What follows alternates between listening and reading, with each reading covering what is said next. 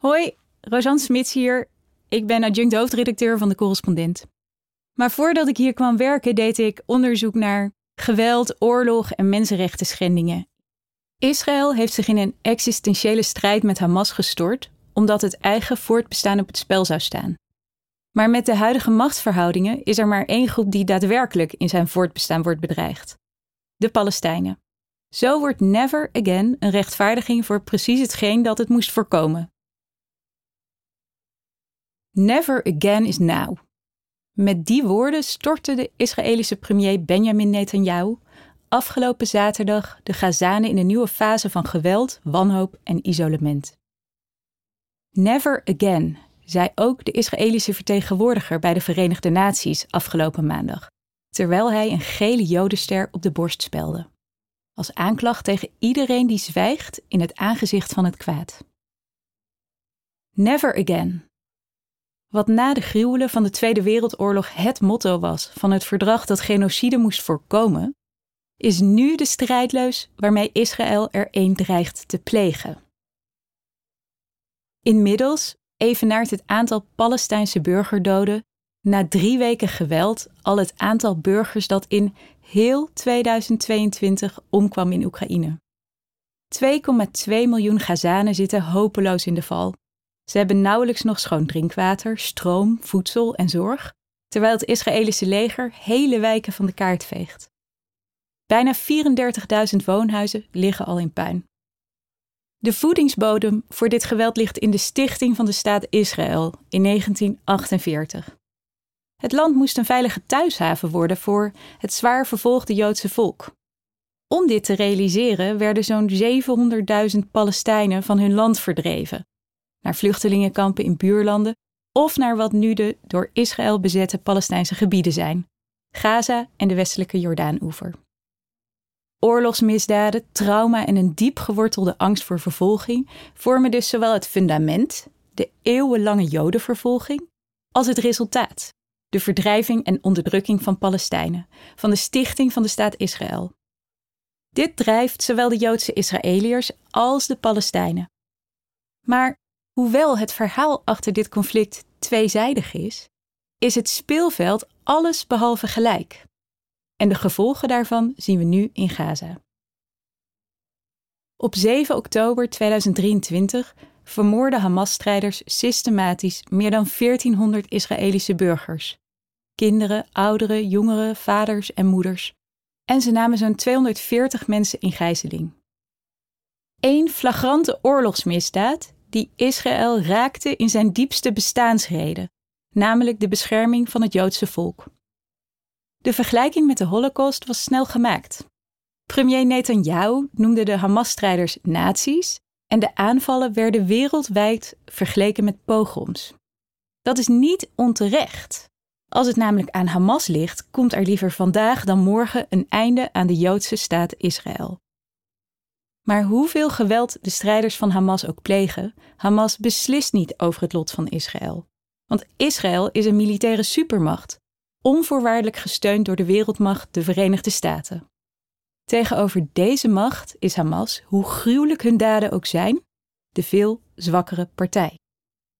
En dat maakt de vergelijking met de Holocaust niet alleen misleidend, maar ook levensgevaarlijk. Want deze logica dwingt tot een alles of niets denken, waarbij maar één uitkomst mogelijk is: de complete vernietiging van de vijand en diens omgeving. Het alternatief, zo gaat die logica, is immers het einde van Israël.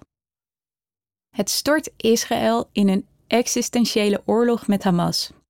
Het pijnlijke gevolg is dat er met de huidige machtsverhoudingen maar één groep is die daarin daadwerkelijk wordt bedreigd met genocide.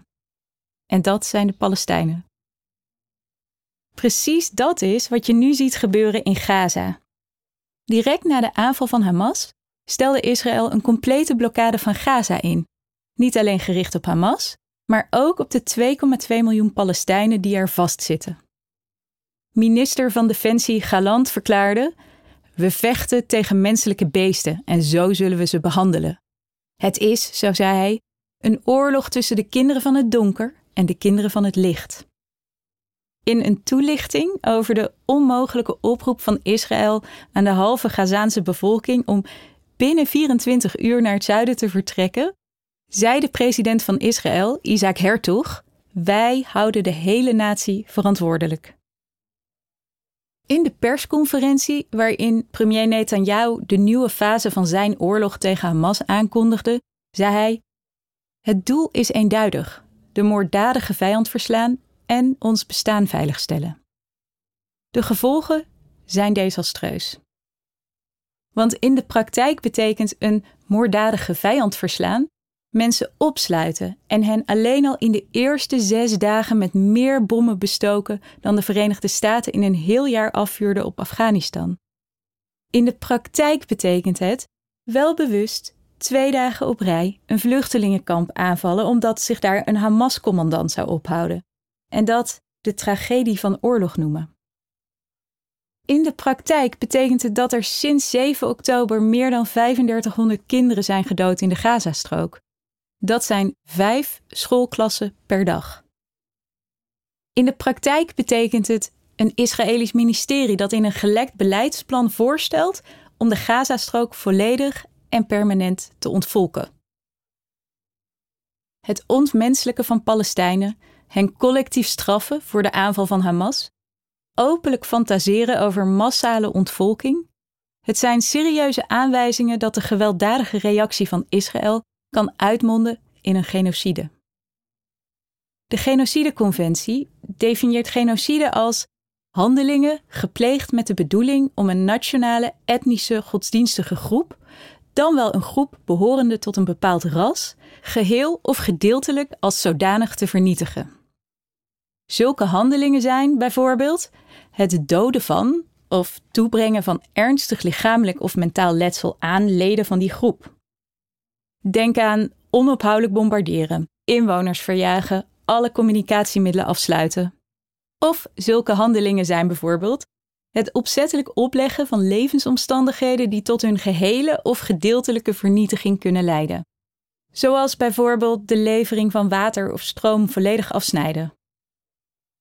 Experts van de Verenigde Naties, genocidedeskundigen en zowel Palestijnse als Joodse mensenrechtenorganisaties sloegen de afgelopen dagen dan ook alarm. Wat Israël nu doet, is een schoolvoorbeeld van genocide, oordeelde de Israëlische professor in genocidestudies Ras Segal.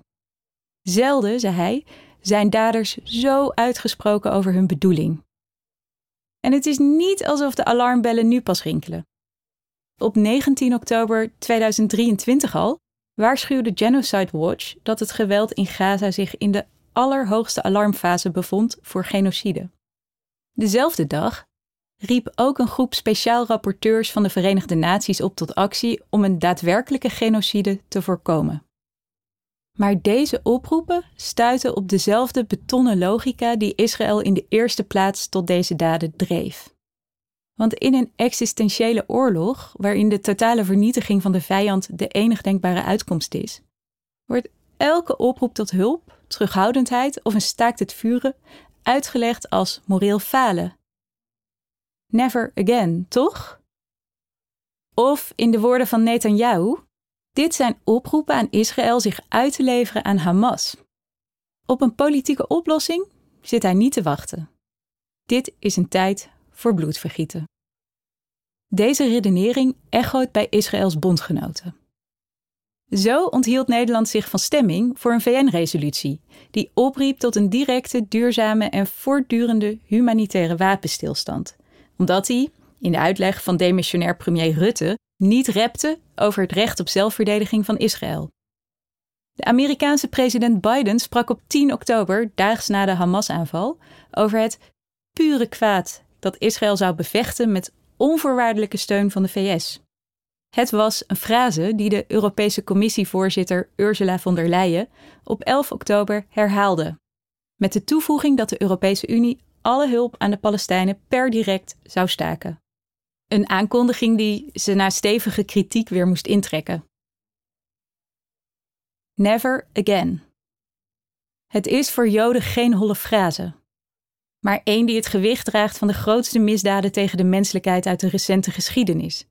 Misdaden tegen hen. Niets rechtvaardigt Hamas' slagpartij en gijzeling van Israëlische burgers op 7 oktober. Niets rechtvaardigt de meedogenloze straf die Israël in antwoord hierop uitstort over alle Gazanen. En niets rechtvaardigt de onvoorwaardelijke steun die Israëls bondgenoten uitspreken. Want dit gaat over misdaden waarvan de hele wereld ooit zei: dit nooit meer. Nu is het moment om die belofte waar te maken. Never again is een oproep tot medemenselijkheid. En het kan en mag geen excuus zijn om zoiets weer te laten gebeuren. Never again geldt voor iedereen.